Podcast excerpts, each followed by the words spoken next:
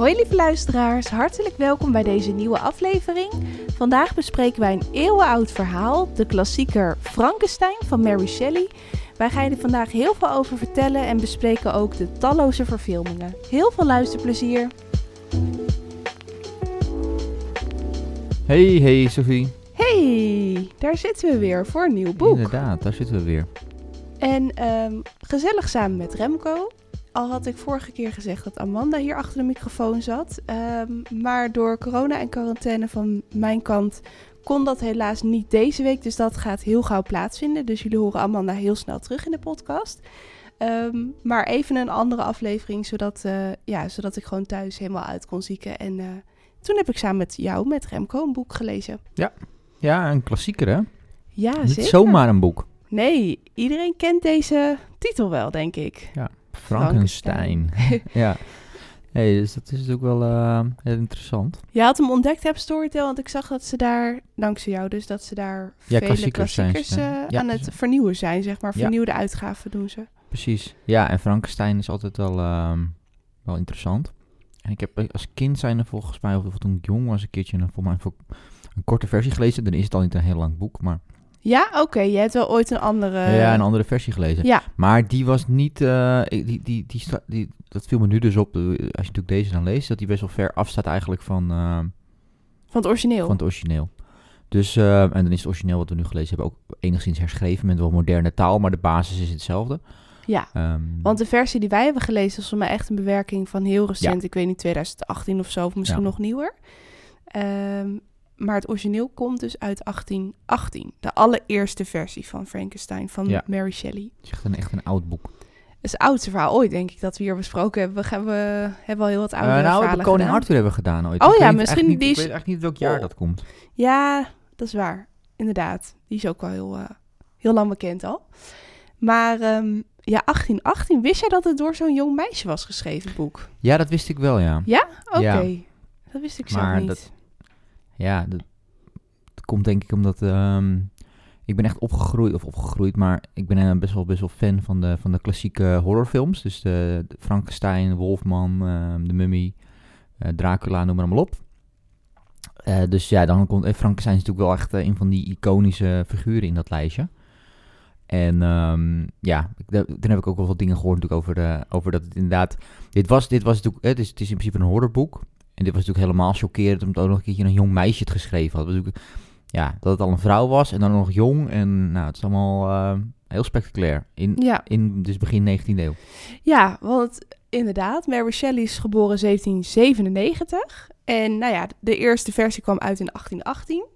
Eh, ze is volgens mij Brits. Ik dacht dat ze in Londen geboren was. Ja, volgens mij wel, ja. ja. En ehm, ja, het verhaal kwam tot stand. Zij zat met een aantal vrienden. Volgens mij waren dat ook weer bekende dichters, stuk voor stuk. Za zaten ze in een villa in Genève. Nou ja, daar speelt het verhaal zich eh, grotendeels ook af.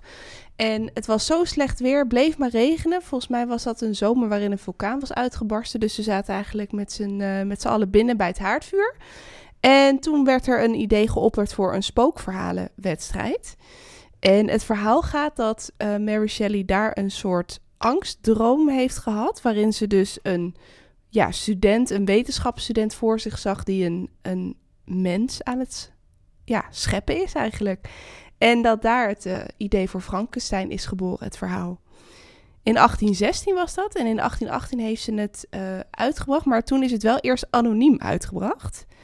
Waarschijnlijk omdat ze een jonge ja, vrouw was. Gewoon, dit was natuurlijk dit was te chockerend. Iedereen dacht dat haar man het had geschreven. Ook zo typerend, want dat was zelf een dichter.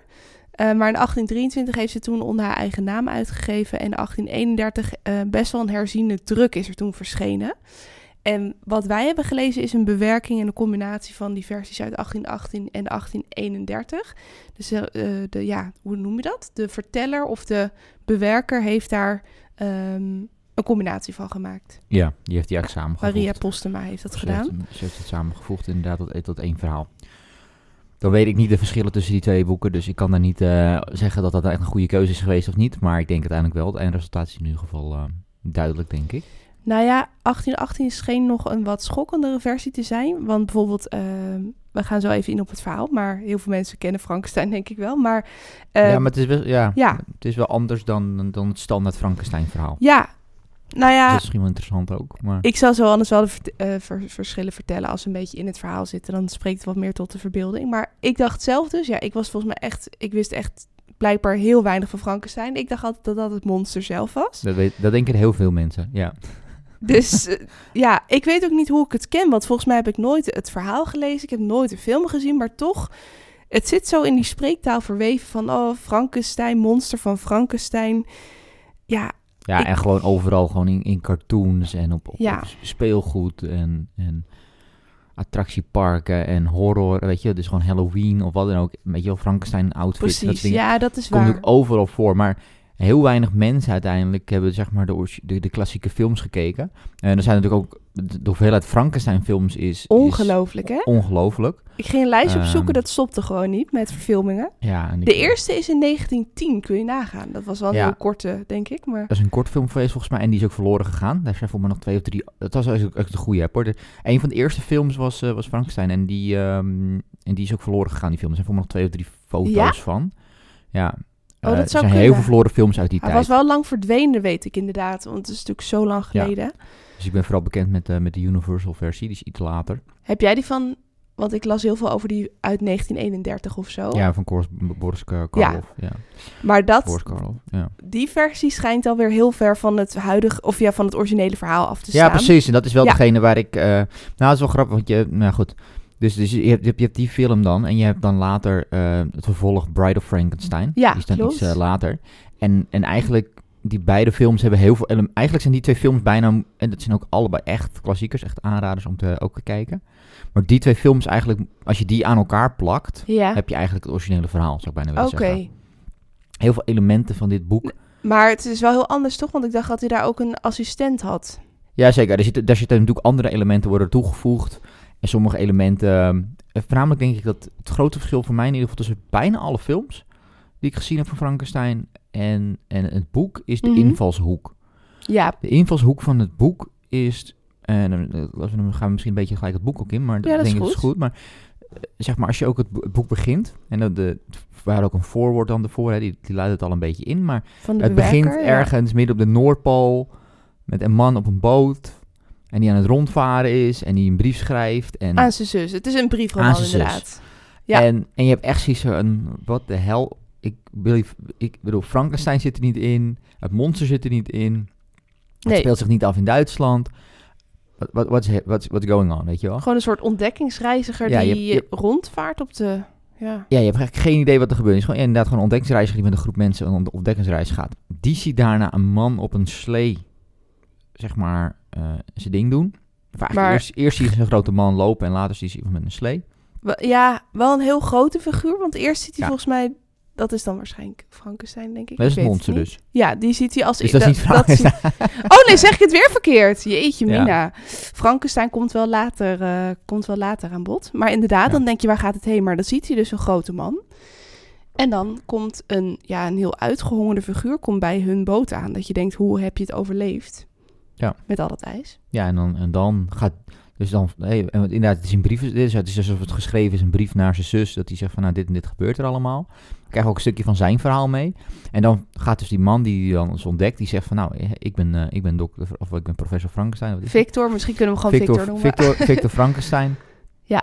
Ehm, ehm, en eh, ik heb een verhaal. Ik heb een heel bijzonder verhaal. Luister aan mijn verhaal, want ik kan je vertellen hè, wat dat grote, die, wie die grote man is die rondloopt. Die eh, zag rondlopen. En dan eh, krijgen we eigenlijk zijn, krijgen we ja. zijn verhaal. Maar we krijgen het dus enorm vanuit, eh, eerst dus uit het perspectief van die, van die, van die kapitein. Robert Walton, ja, En daarna krijgen we het echt rechtstreeks uit, eigenlijk uit het perspectief te zien van, ehm, van Victor. van Victor. En daarna krijgen we het weer te zien uit het perspectief van het monster. Van Frankenstein, ja, klopt. Dus echt in eh meerdere delen verdeeld. Ja, Ja. Ja. Dus, dus, dus, dus ehm, het is delen. Ja, maar dat is wel anders dan de film. De Zeg film kijkt, ja, daarom. De film, de film kijkt altijd vanuit, ehm, vanuit buiten, zeg maar, naar Frankens, naar Frankens, Dr. Frankenstein, naar het monster. Nooit vanuit de ogen van Frankenstein, het monster. Je krijgt veel meer nu de, ehm, ja, wat, er, wat er omgaat in het monster en wat Ja. er dat is wel leuk, Eh, wat er omgaat in, de in, de in, de, in de dokter. En in de dokter krijg je nog wel wat meer al mee in de film. Maar wat er eigenlijk omgaat in het monster niet zo heel veel. Wel wat ook. Het monster heeft ook geen naam. Dat, dat maakt dat ik hem steeds Frankenstein noem. Ja, maar, dat is denk ik de reden waarom de meeste mensen dat ook doen. Ja. Want in het boek wordt hij monster genoemd of duivel of gedrocht. Ja. Maar hij heeft geen naam. Dat is eigenlijk al best wel zielig. Ehm, ja, maar ja, dat is ook een logisch gevolg van, eh, van, de, van, de, van, van, van de, de van gebeurtenissen. ja. Ja, maar kijk, het, eh, het hele ding, en dat is natuurlijk ook hetgene wat het chockerend maakte toen de tijd, is dat het. En ik denk dat is voor mij ook het groot, als ik het goed erin, dat is voor mij een groot verschil ook tussen de, vaak ook tussen de verschillende versies van de films, maar ook tussen voor mij de oorspronkelijke boek en het latere boek, is dat eigenlijk natuurlijk Frankenstein voor God speelt. Hij creëert leven. En de enige die, God, die, die, die, die leven mag creëren is, is, is God. Zeker in eh, begin 19e eeuw was dat een, eh, belangrijk element. Precies, ja. Dus het is wat hij doet. Daarom wordt hij ook de duivel genoemd of wat dan ook. En daarom, wordt ook, hè, daarom voelt hij zich ook zo bezwaard, eh, Frankenstein. Want hij is student natuurwetenschap. Hij is helemaal Ja. bezeten van hoe kan ik iets wat niet meer leeft, zeg maar iets wat dood is, weer tot leven wekken, toch? Daar begint het een beetje mee. Ja, ja, hoe kan ik eigenlijk nieuw leven, leven laten ontstaan? Hè? Hoe, kan ik, hoe kan ik schepper worden? Ja, want als Ja. hij schepper kan worden natuurlijk, dan, dan kan hij in principe zou in theorie dan een soort van eh, volmaakte mens kunnen maken en gelukkig en hè, wa- wat hij dan, dan de vader zeg maar normaal gesproken is maar een vader, hij heeft niet heel veel te- moeite ervoor gedaan of een moeder heeft niet heel veel moeite ervoor gedaan. Dat is een beetje, zijn zijn woorden, zijn mijn woorden. Eh, maar eh, dan zegt hij ja, maar ik heb het dan ook echt gemaakt, hè? Ik heb het e- echt gemaakt. Ik heb het met mijn handen en ik heb het gemaakt. Dus nou ik ja, ben echt en een ik, schepper. ik ben dan soort wereldberoemd omdat ik dan de eerste persoon ben die dat ooit gelukt is. Heel veel mensen proberen dat al jarenlang. Nou ja, hij is helemaal eh, bezeten ervan. Ja. En daar komt dus ook een beetje het verschil. In 1818, eh, in dat opzicht lijkt de bewerking die wij hebben gelezen best wel op echt de allereerste versie van 1818. Maar later, in dus die herziende druk in 1831, ehm, lijkt het alsof Victor best wel gedreven is door het lot. Precies om wat jij net zegt van Ja. het, het viel gewoon verkeerd dat mensen denken hij speelt voor God. Dat Ja. kan helemaal niet. Dus vandaar is dat later aangepast, zodat het weer meer was alsof hij het niet zelf had gedaan, maar het lot. Ja, en dat hij het ook heel afgrijzelijk vindt, hè? Van, oh, Ja. weet je wel. En, ook, en er zitten heel veel, ook op een gegeven moment, of heel veel, maar er zitten op een gegeven moment ook een aantal vergelijkingen in met van, ik, eh, ik ben een soort van Adam, maar ik ben eigenlijk volledig mislukt. En kan, weet je wel. Er zitten heel veel verwijzingen ook naar de Bijbel in op een gegeven moment, om heel duidelijk aan te geven hoe, hoe eigenlijk Victor, eh, zeg maar, geen echt God is. Hè? Niet echt een God is, geen echt leven heeft gecreëerd. Hij heeft eh, iets, iets, iets, ja. Hoe iets- vond je dat om te lezen trouwens? Want ik zat dat dus te lezen terwijl ik eh, in quarantaine zat. Heel gezellig. Ja. Persoonlijk vond ik het nogal, eh, maar goed, misschien vul ik het in, nog wel best wel duister. En, want hij is, is gewoon allemaal dode lichamen aan het onderzoeken en samen smelten. Ja, het is, het, is, het is echt horror, hè? Dus op dat vlak is het echt horror. Zit er natuurlijk wel een heel persoonlijk element in. Dat is denk ik wat het, wat het zo, zo, zo sterk maakt, de, de- het boek en ook de film. Eh, of de films. Ehm, maar in de basis is het echt een horrorfilm, hè? Want hij gaat natuurlijk inderdaad... En ik moet zeggen, in het, in, in het boek is het misschien nog wel minder luguber dan eh, in de film. Waar, ze, waar het misschien iets minder visueel wordt. Maar daar zie je op een gegeven moment is een scène dat, dat, ze- dat hij op zoek is naar een, een hersenen die dan, eh, hij stuurt dan inderdaad zijn assistenten van, hey, ga jij maar even een pot met hersenen halen, want ik heb hersens nodig. Oh ja, En want in de film krijgt hij al gauw een hulpje, hè? En in ja, het boek krijgt is hij hij een alleen. Ja, ja. dat was toen een beetje natuurlijk, ja, dat was gewoon een mooie, mooie dat, je, dat was een hele goede acteur trouwens die dat speelde. En die heeft dan ook een bochel en zo, dus dat is natuurlijk gewoon qua filmtechnisch is dat natuurlijk super interessant. Eh, hè, natuurlijk, dan heb je veel meer die dynamiek tussen die twee karakters, want het monster praat niet. Dus als je natuurlijk Nee. een film hebt en je hebt alleen, alleen, alleen Victor Frankenstein. Ja, met monster, dan is het toch vrij. Er is geen enkel dialoog dan in de halve wel, film, maar zeg maar. in het begin niet, inderdaad. Nee, en, eh, weet je Nee. dus dat, dat schiet niet echt op. Eh, dus vandaar dat zo'n hulpje natuurlijk wel wat meer dynamiek. Want dan weten we tenminste wat er speelt in de gedachtegang. Dus dat zijn denk ik concessies die je moet maken voor een film. Maar dan gaat dan op een gegeven moment de hersens zoeken. En dan zegt hij van, nou, je moet iemand zorgen dat, dat je hersens hebt van een vriendelijk persoon. En dit is, dit is waar Oh, de ja. film en het boek echt enorm van elkaar afwijken. Ja. Want het hulpje daar maakt dan een fout. En die, pakt dan, die, die steelt dan de hersens van een crimineel. Van een zware seriemoordenaar of wat dan ook. Nou, ze hebben niet echt seriemoordenaars in die tijd, maar van een moordenaar. En, ehm, Dat is echt die en andere die worden dan, en die worden dan Ja. in het monster geplaatst. En daarom wordt het mo- monster zo kwaadaardig, omdat de verkeerde hersens erin zijn geplaatst. En eh, nou ja, in het boek is dat natuurlijk totaal niet het geval. Want het boek maakt hij gewoon een soort van... Inderdaad, hij gaat dus ook eh, eh, onderdelen... Want hij werkt bij de universiteit, of hij studeert bij de universiteit... dus hij krijgt daar onderdelen van, lichaamsdelen van. En ik In allemaal. laboratorium gaat hij het... Ik weet niet hoe hij het doet, want dat is in het boek zegt hij ook... Ik zal nooit vertellen hoe ik het heb gedaan, maar op, op een gegeven moment is het me gelukt. Maar hij, met allemaal eh, instrumenten, is hij die eh, dode delen van menselijke lichamen bij elkaar aan het eh, gooien. ja, en er zitten best wel wat interessante details ook in. En dat is best wel grappig om te weten dat zij natuurlijk zo jong was toen ze dit schreef. Want er zit, nou ja, een van de, op zich is het niet echt een detail, maar het is wel een detail, maar Hm. Wel grappig dat, hij zegt van, dat ze zegt van, nou, ja, ik maak, het, ik maak het lichaam heel groot, want mensen zijn complex en dan heb ik wat meer ruimte om in te werken. Oh Dat ja, staat dat? Ja, ja. Oh, daarom- grappig. daarom Dat is het monster ook meer. Daarom is het monster ook zo groot. Maar ook tegen die tijd werd elektriciteit werd, werd, werd meer gebruikt. En ze Ja, kwamen er ook achter dat als je, als je elektriciteit op een, op, een, op een lichaam doet, van een dier of van een mens of wat dan ook, dat het stuip trekt. dat was die Galvan Galvani, toch? Ja. Ja. ja. Dus, een, hè, dus dat je stuiptrekkingen krijgt, hè, dat, dat zie je, zul je misschien wel eens gezien hebben, ook met, met een kikker of zo, wat dan ook. Vaak doen we dat nu met dat soort dingen. Ja, daar was toen mee eh, ontdekt En- inderdaad, met ja. kikkerpoten. Heel En gezellig. ehm, Ja. eigenlijk dat principe. Ze wisten nog niet helemaal precies hoe dat werkt. Hè? Dat- we hebben het echt over een tijd geleden. ja, En toen dachten ze misschien inderdaad met elektriciteit, als je nou genoeg elektriciteit in een lichaam stopt. Want ze dachten gewoon dat dat, dat, dat been weer tot leven kwam. Omdat het ging bewegen. Omdat het ging bewegen. Ja, Dus wat nou als ik gewoon stroom zit op het hele lichaam? Maar dat is ook de reden waarom dus ook het, het, het, monster wordt, wordt, wordt, wordt, wordt tot leven wordt gewekt door elektriciteit, door een bliksemschicht eigenlijk. Of ja in het verhaal staat dat niet zo duidelijk, maar waarschijnlijk in latere bewerkingen weer wel. Precies, dat Want bliksem weer. komt wel veel terug in het verhaal, inderdaad. En dat is inderdaad ook weer, en dat zie je ook weer verschil. Dus de een doet het met bliksem, de meeste doen het wel met bliksem. Ehm, en sommigen doen het wel met elektriciteit. In de film moet je natuurlijk ja, ook laten zien hoe het gebeurt. En nou ja, de dat is een prachtige laat- scène, een ja. prachtige scène. Hè, dan, dan, dan, dan, die, die, die- hij is bezig, hij is het aan het maken. Dan slaat die bliksemschicht in. Dus je hebt allemaal lichtflitsen.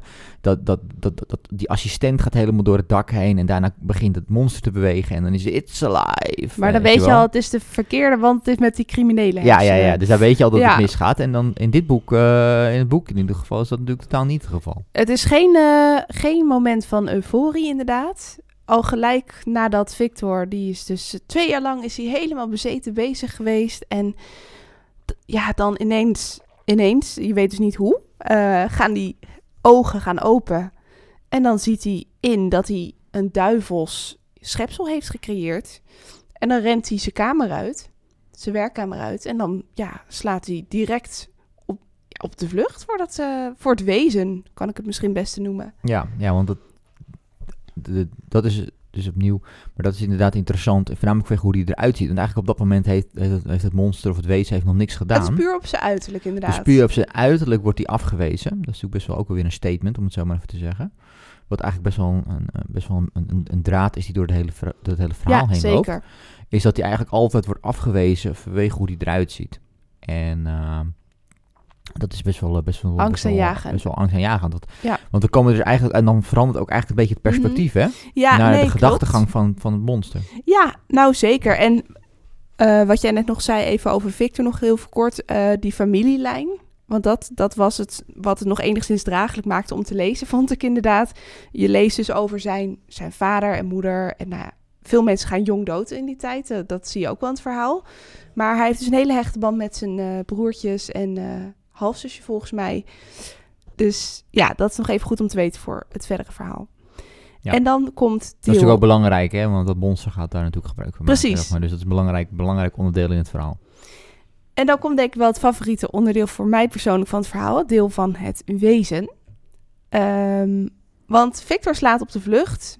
En er gebeuren allemaal verschrikkelijke dingen. Ehm, waar we misschien straks nog iets over vertellen. Moeten even kijken. Eh, we zullen niet alles verklappen natuurlijk. Ehm, maar op een gegeven moment zien zij elkaar weer terug. Het Aan de wezen andere kant wil ik wel zeggen, eh, het boek is nu inmiddels meer dan 200 jaar Ja. oud. Als je het nu nog niet gelezen hebt en, en, en, je, en je vindt dat we te veel spoilers hebben. Het is trouwens ook niet een heel, het is echt gewoon niet eens een heel lang verhaal eigenlijk, hè? Nee. Nee, het is echt. eh, maar ehm, ja, we zeiden het is een briefroman, maar de, het wezen ja, gaat dus zijn verhaal vertellen aan Victor als ze elkaar terugzien ergens in de bergen in Genève, volgens mij. Tussen de gletsjers of zo. Precies.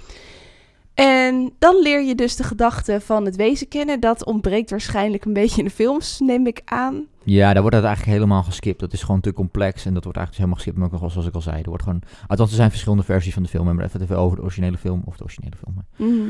Eh, de Universal film hebben Ja. dan... er wordt gewoon een ander brein ingestopt en dat is de reden dat hij boos is. maar. Dat is wel echt totaal anders dan hier. Want hier is inderdaad de vraag: was hij al slecht? Of is hij slecht geworden doordat Victor hem direct nadat hij is geschapen heeft verlaten en de rug heeft toegekeerd, zeg maar? Ja, voor mij is het een opsta- eh, volgens mij is het, naar mijn mening is het vrij duidelijk dat hij in het begin goedaardig was. Ja, want hij had gevoelens. ehm, hij, ja, hij kon niet praten, maar hij voelde zich gelijk volgens mij in de steek gelaten. En hij was heel erg op zoek naar liefde van andere wezens om, om zich heen, toch? En in het Ja. begin zoekt, zoekt hij dat ook op een, op, een, op een hele vriendelijke manier. Hè? Hij gaat gewoon Ja. bij mensen en hij wil helpen en noem maar allemaal op. Alleen iedereen wijst hem af. Op een gegeven moment wordt hij ook in elkaar geslagen, omdat hij er Ja. zo uitziet.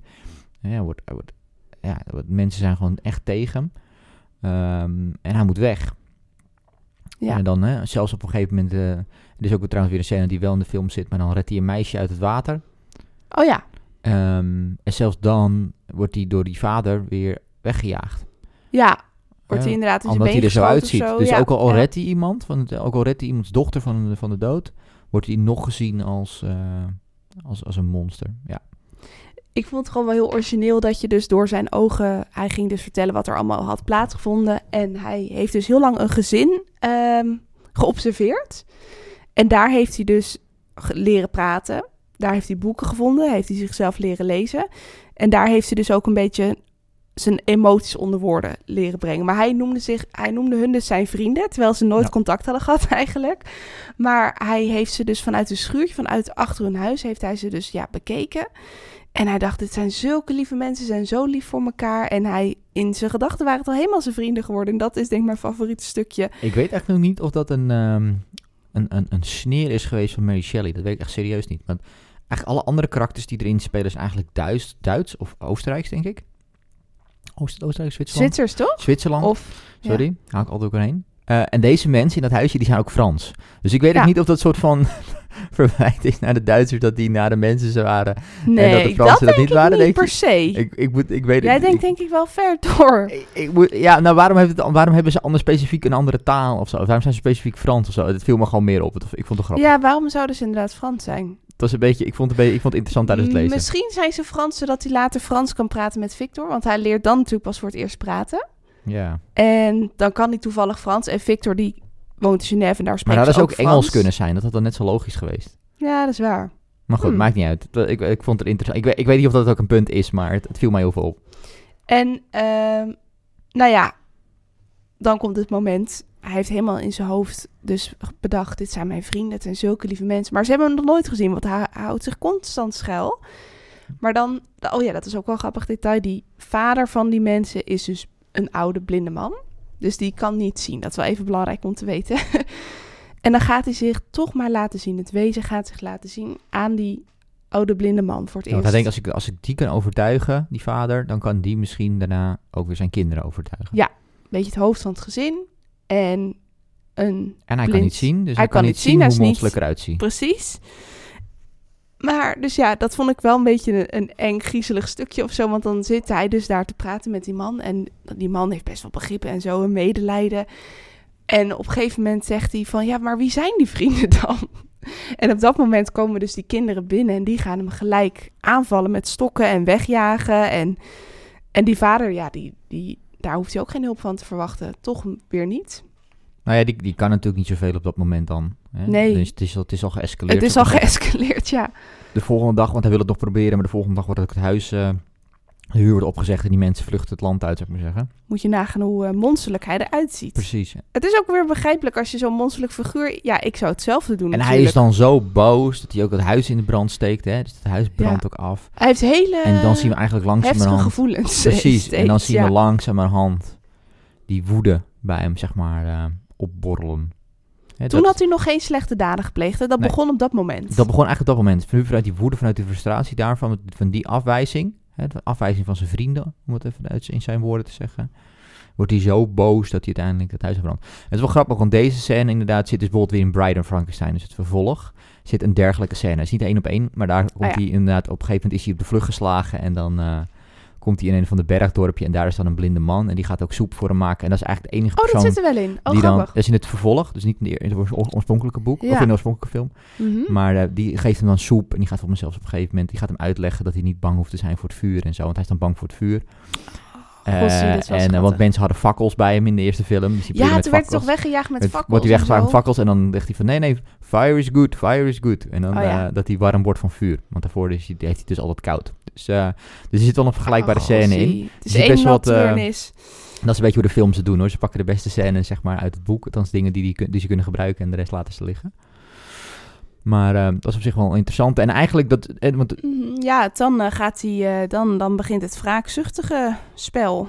precies, want hij gaat eigenlijk... eh, hij denkt, wie heeft nou gemaakt?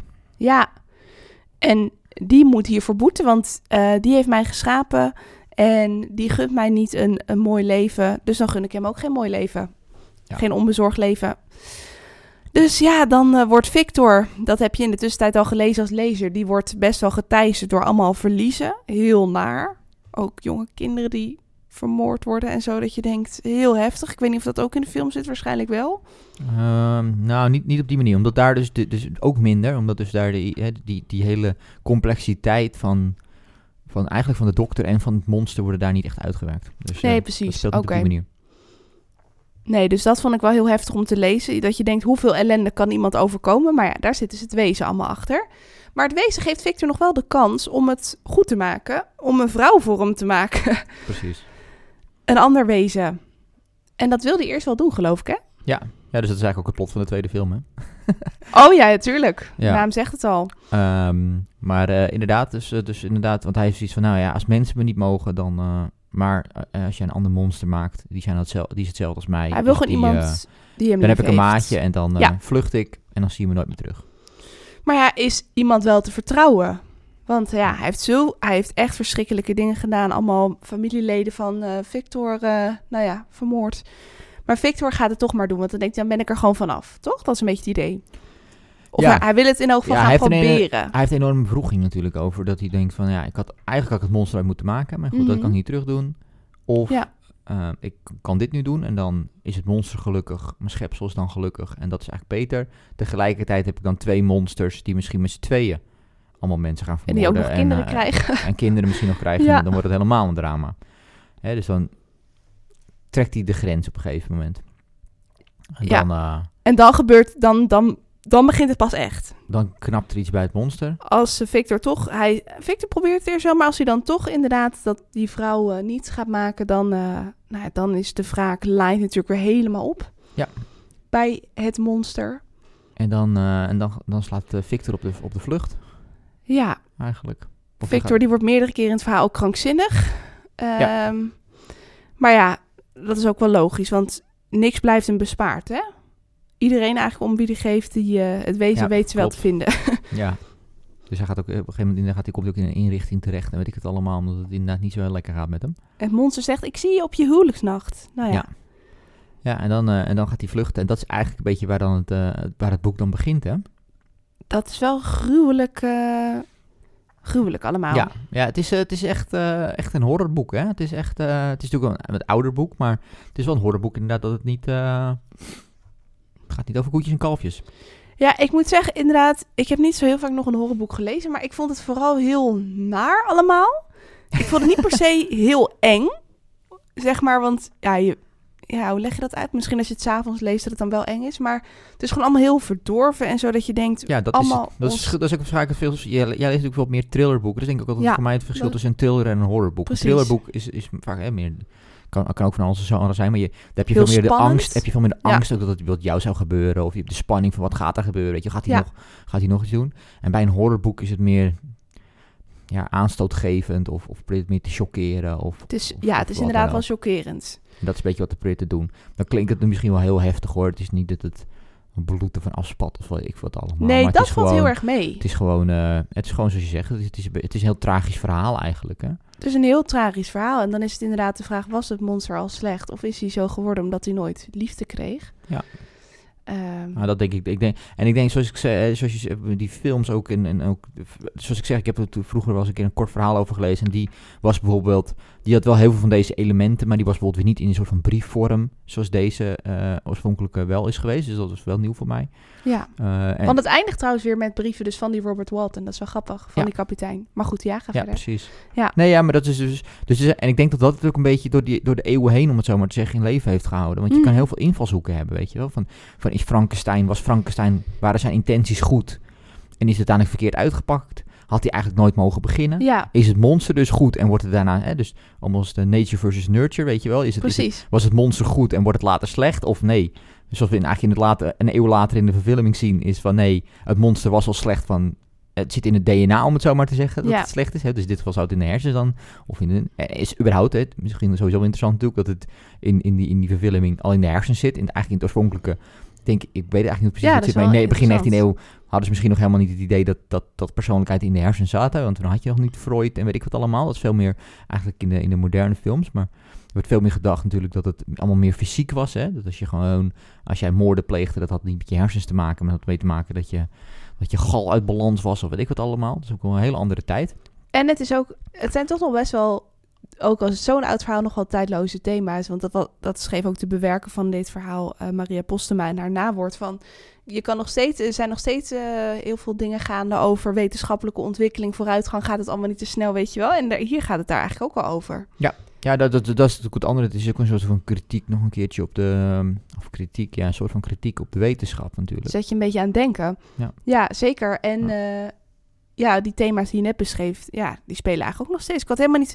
Nou, we hebben natuurlijk ook niet het origineel gelezen. Ik ben wel benieuwd hoe, hoe het is om dat te lezen. We hebben natuurlijk wel echt een moderne vertelling. Ja, maar volgens mij is het gelezen. verhaal best wel hetzelfde. Voor mij is het alleen taalgebruik wat ze echt hebben Ja. aangepakt. Want ik had niet door dat ik een oud verhaal aan het lezen was. Alleen dat ze met reiskoetsen moesten reizen en brieven moesten schrijven, weet je Ja. wel. Daaraan merk je het wel. Ja, daar merk je het wel een beetje Ehm. aan. Ja. Maar ja, het is wel interessant. Ja, en als je voor de, voor de mensen, ik bedoel, we blijven toch een beetje bij de films misschien, maar ik bedoel, je hebt natuurlijk in de jaren negentig heb je de, heb je de Frankenstein met, eh, met Robert De Niro, die was op zich wel oké, maar was niet heel denderend. Maar als je nou al deze films denkt, of in de boeken denkt van nou, het is allemaal maar iets te gruwelijk en iets te bloederig, dan heb je altijd nog Jong Frankenstein, Oh, eh, met Gene Wilder. En nog een aantal andere acteurs natuurlijk. Maar dat is eigenlijk een parodie op Frankenstein. Oh ja, en, grappig. ehm, echt, echt, echt een klassieker. Ehm, als je, ja, naar mijn mening in ieder geval, eh, en naar veel meningen. Gene Wilder is natuurlijk al fantastisch. Ook van eh, Charlie and the Chocolate Factory, eh het origineel. En eh, nog een aantal andere films. is je best wel bekend van. En dan is het ook inderdaad, dan wordt hij de hele tijd Frankenstein genoemd. En dan zegt hij, nee, het is de Dr. Frankenstein. Het is niet Frankenstein. Oh. Ik ben geen familie van Frankenstein, ik ben Frankenstein. En dan heb je dus ook Igor, de, Igor, Igor is dan het hulpje en zo. ja, en dat is ooit Igor is- geworden. Dat begon als Frits en uiteindelijk is het Igor geworden, dat ja, hulpje. en dat is echt, nou, die film, ik ga binnenkort denk ik wel, we gaan denk ik binnenkort maar even een keertje gaan, samen Ja. kijken. Die, dat is, dus Wel als, als dit je te, te veel horror is en de, en de films, de meeste films veel horror zijn, eh, ja, Jo- Jong Frankenstein is eh subliem. Ja. Toch elke keer als ik Frankenstein hoor, zie ik dat monster voor me. Dat wilde bij mij niet helemaal uit. Maar dat is toch gewoon die wetenschapper. Waarschijnlijk voor veel mensen. Ja. Ja, het is gewoon ja, het wezen, het monster. Het monster, ja, laten we het daar maar gewoon bij houden. Toch? Ja. En ja, het is, is het, het is geen, is het een happy end? Niet echt, hè? Nee, het is niet een happy end, denk ik, nee. Nee. Het eindigt in elk geval weer met de eh, brieven van eh, Robert Walton eh, vanuit zijn schip Ja. op de Noordpool, inderdaad. En daar, eh, nou ja, daar, daar eindigt het hoe het verhaal begon, inderdaad. Dus ja, ik denk, eh, wat, wat, wat, wat, nou, wat vond je ervan? Nou, want ik, ik, ik was natuurlijk al iets bekender met het verhaal en eh, et cetera. En jij, eh, zou je zeggen van, nou, is, is dit nou aan te raden om dit te lezen? Of, of is het zeg je van, nou, het is wel interessant om te weten omdat het een oud boek is, maar eigenlijk verder... Het is wel interessant om te weten. Ik weet niet of ik het iedereen zeg maar zo zou aanraden, omdat het toch best wel een ja, griezelig verhaal is. Dus het is niet per se een gezellig verhaal. Een boek hoeft ook helemaal niet gezellig te zijn natuurlijk. Het is denk ik vooral gewoon leuk om te weten van, hey, dit is het origineel. Dat is vooral leuk, denk ik. Persoonlijk vond ik dat. Ja, En dat snap ik wel. Om ja. te bedenken dat het iemand is die zo ontzettend jong nog is. Een vrouw in die tijd die gewoon een verhaal heeft geschreven. wat zo ongelooflijk wereldberoemd is. Ja, ik ben wel blij dat ik dat nu. dat ik er iets meer over weet, zeg maar. Oké. Maar het verhaal aan zich. Ja, ik weet niet of het helemaal echt een aanrader te noemen is. Maar ja, het is wel. eh, wat jij zei, een klassieker natuurlijk. Ja, ja, goed. Ik, zoals ik al zeg, ik ben natuurlijk ook al fan van de films. ehm, van heel veel van een aantal van de films. En het verhaal was mij al wel bekend. En ehm, ja, dit is, ik vind het juist wel heel gaaf om juist nu die hele, het origineel wat meer te lezen eigenlijk. Dus kijken, oké, wat was nou de oorspronkelijke... Weet je, ik heb dan bijna zin om nu die, die, die helemaal die originele nog een keertje te gaan lezen of ja, zo. wel. eigenlijk wel. Met dat oudere taalgebruik ben ik ook echt wel een, benieuwd echt een deep dive. Maar goed, ehm, zo gaan die dingen. Maar ja, nee, dus voor mij is het wel zeker wel een aanrader. Ik snap wel wat je bedoelt. Hè. Het voelt op sommige plekken een beetje gedateerd, want het is ook een oud boek. Als je echt niks hebt met, dat het een, dat, met de historie of dat het een, eh, een oud boek is of wat dan ook. Als je gewoon denkt, als je dit zou gewoon zo lezen uit de kast pakt en dat je denkt dat het vorige week geschreven is door iemand of zo, dan heeft het denk ik wel iets minder impact natuurlijk. Ik denk dat heel veel mensen die bijvoorbeeld literatuur studeren of dat het dan heel interessant is. Komt ook best wel veel literatuur terug in het verhaal zelf. Dus Ja. je kan merken dat eh, Mary Shelley eh, omringd was door dichters en dat ze daar veel over wist. Dus dat Ja. is ook nog eens een interessant element wat erin terugkomt. Eh, ook de romantische schrijfstijl, dat vertelde een beetje de bewerker in het nawoord. Er wordt best wel veel romantisch. Toch wel, ik zei dat het alleen maar naar was, maar dat, de, de, de natuur wordt heel mooi omschreven, bijvoorbeeld. Ja. Als Victor even tot zichzelf moet komen, dan gaat hij de bergen in en dan lezen over de overweldigende schoonheid. En het schijnt ook dat in die tijd heel veel boeken, ja, dat het de romantische periode was. Dus dat dat ook terugkeert in dit Ja, boek. ja, het is natuurlijk een brievenroman, hè? dus het is inderdaad heel romantisch. En het is zo'n brievenformat. En dat is natuurlijk wel heel interessant, want je leest dat niet zo heel vaak. Het is een soort ik-perspectief, maar dan nog anders. Ja, het is een x-perspectief, maar het is een x-perspectief die het aan het voorlezen is aan iemand anders. En omdat het brieven zijn, kan je ook weer verschillende perspectieven hebben in één boek. Dus het, het- ja. Ja. het, is, het, is, het is best wel een combinatie. En, en een ander ding is dat, je, dat het soort van logisch is in sommige gevallen, is dat je ook bepaalde stukken skipt. Want als jij een brief schrijft aan iemand, dan ga je niet alle details opschrijven. Je gaat alleen maar opschrijven wat ertoe doet. Precies. En er zitten wat aannames in. En sommige dingen inderdaad worden geromantiseerd. Want je zou ook dingen romantiseren. Weet je, als, jij, als, jij, als hij Victor is en die loopt naar buiten en die ziet de zon schijnen. Dan zou die normaal gesproken minder, niet, misschien niet denken van... Oh, de zon schijnt. Nee, maar als jij een brief schrijft naar je geliefde over hoe mooi eh, een dag was of zo... Ja, dan heb je meer kans dat je opschrijft van... Oh, en de zon scheen en de, en de vogeltjes waren... Ja, Weet je dat je het Dus de allemaal voelt- voelt- ja, ja, voelt- inderdaad. Maar de schrijfstijl voelt daarmee wat logischer dan dat het puur vanuit een x-perspectief zou gegaan zijn. Dus het is best wel interessant. Je ziet het Ja. inderdaad niet zoveel meer. Of eigenlijk bijna niet. Eh, maar het is best wel interessant eh, iets om te lezen, vond ik. Ja. Ik denk dat dit de eerste briefroman is die ik ooit heb gelezen. Dus dat is wel leuk. Ja, ik heb één keer een, een, boek gelezen waarin, ze, waarin mensen elkaar korte verhalen schreven over, over gebeurtenissen of zo. Oh, grappig. Dat ging over zeg maar een, een, een schrijversclubje die dan elkaar... Dus dat was een, die had een Oh, beetje ja. hetzelfde idee als dit. Het waren natuurlijk niet echt brieven, maar dan was het...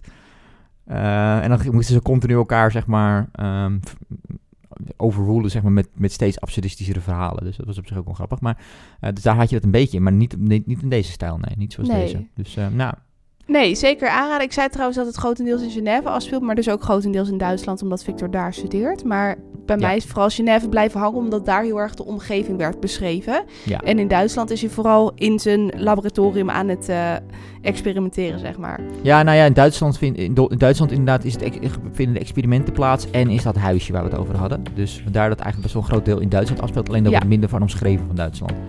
Het wezen heeft daar ook lang eh, rondgetrokken en zo. Ja. Ja, maar er wordt niet zo heel veel over omschreven. In Genève wordt er Nee. inderdaad wat meer over omschreven. het Ja. meer van Genève en zo. En Ja. nou ja, daar is dus ook waarschijnlijk, naar wat men zegt, het eh, idee van Frankenstein, het verhaal ontstaan.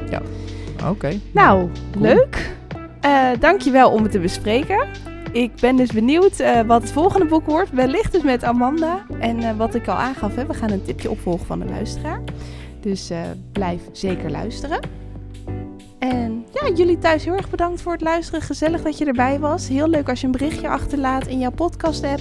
En heel graag tot over twee weken.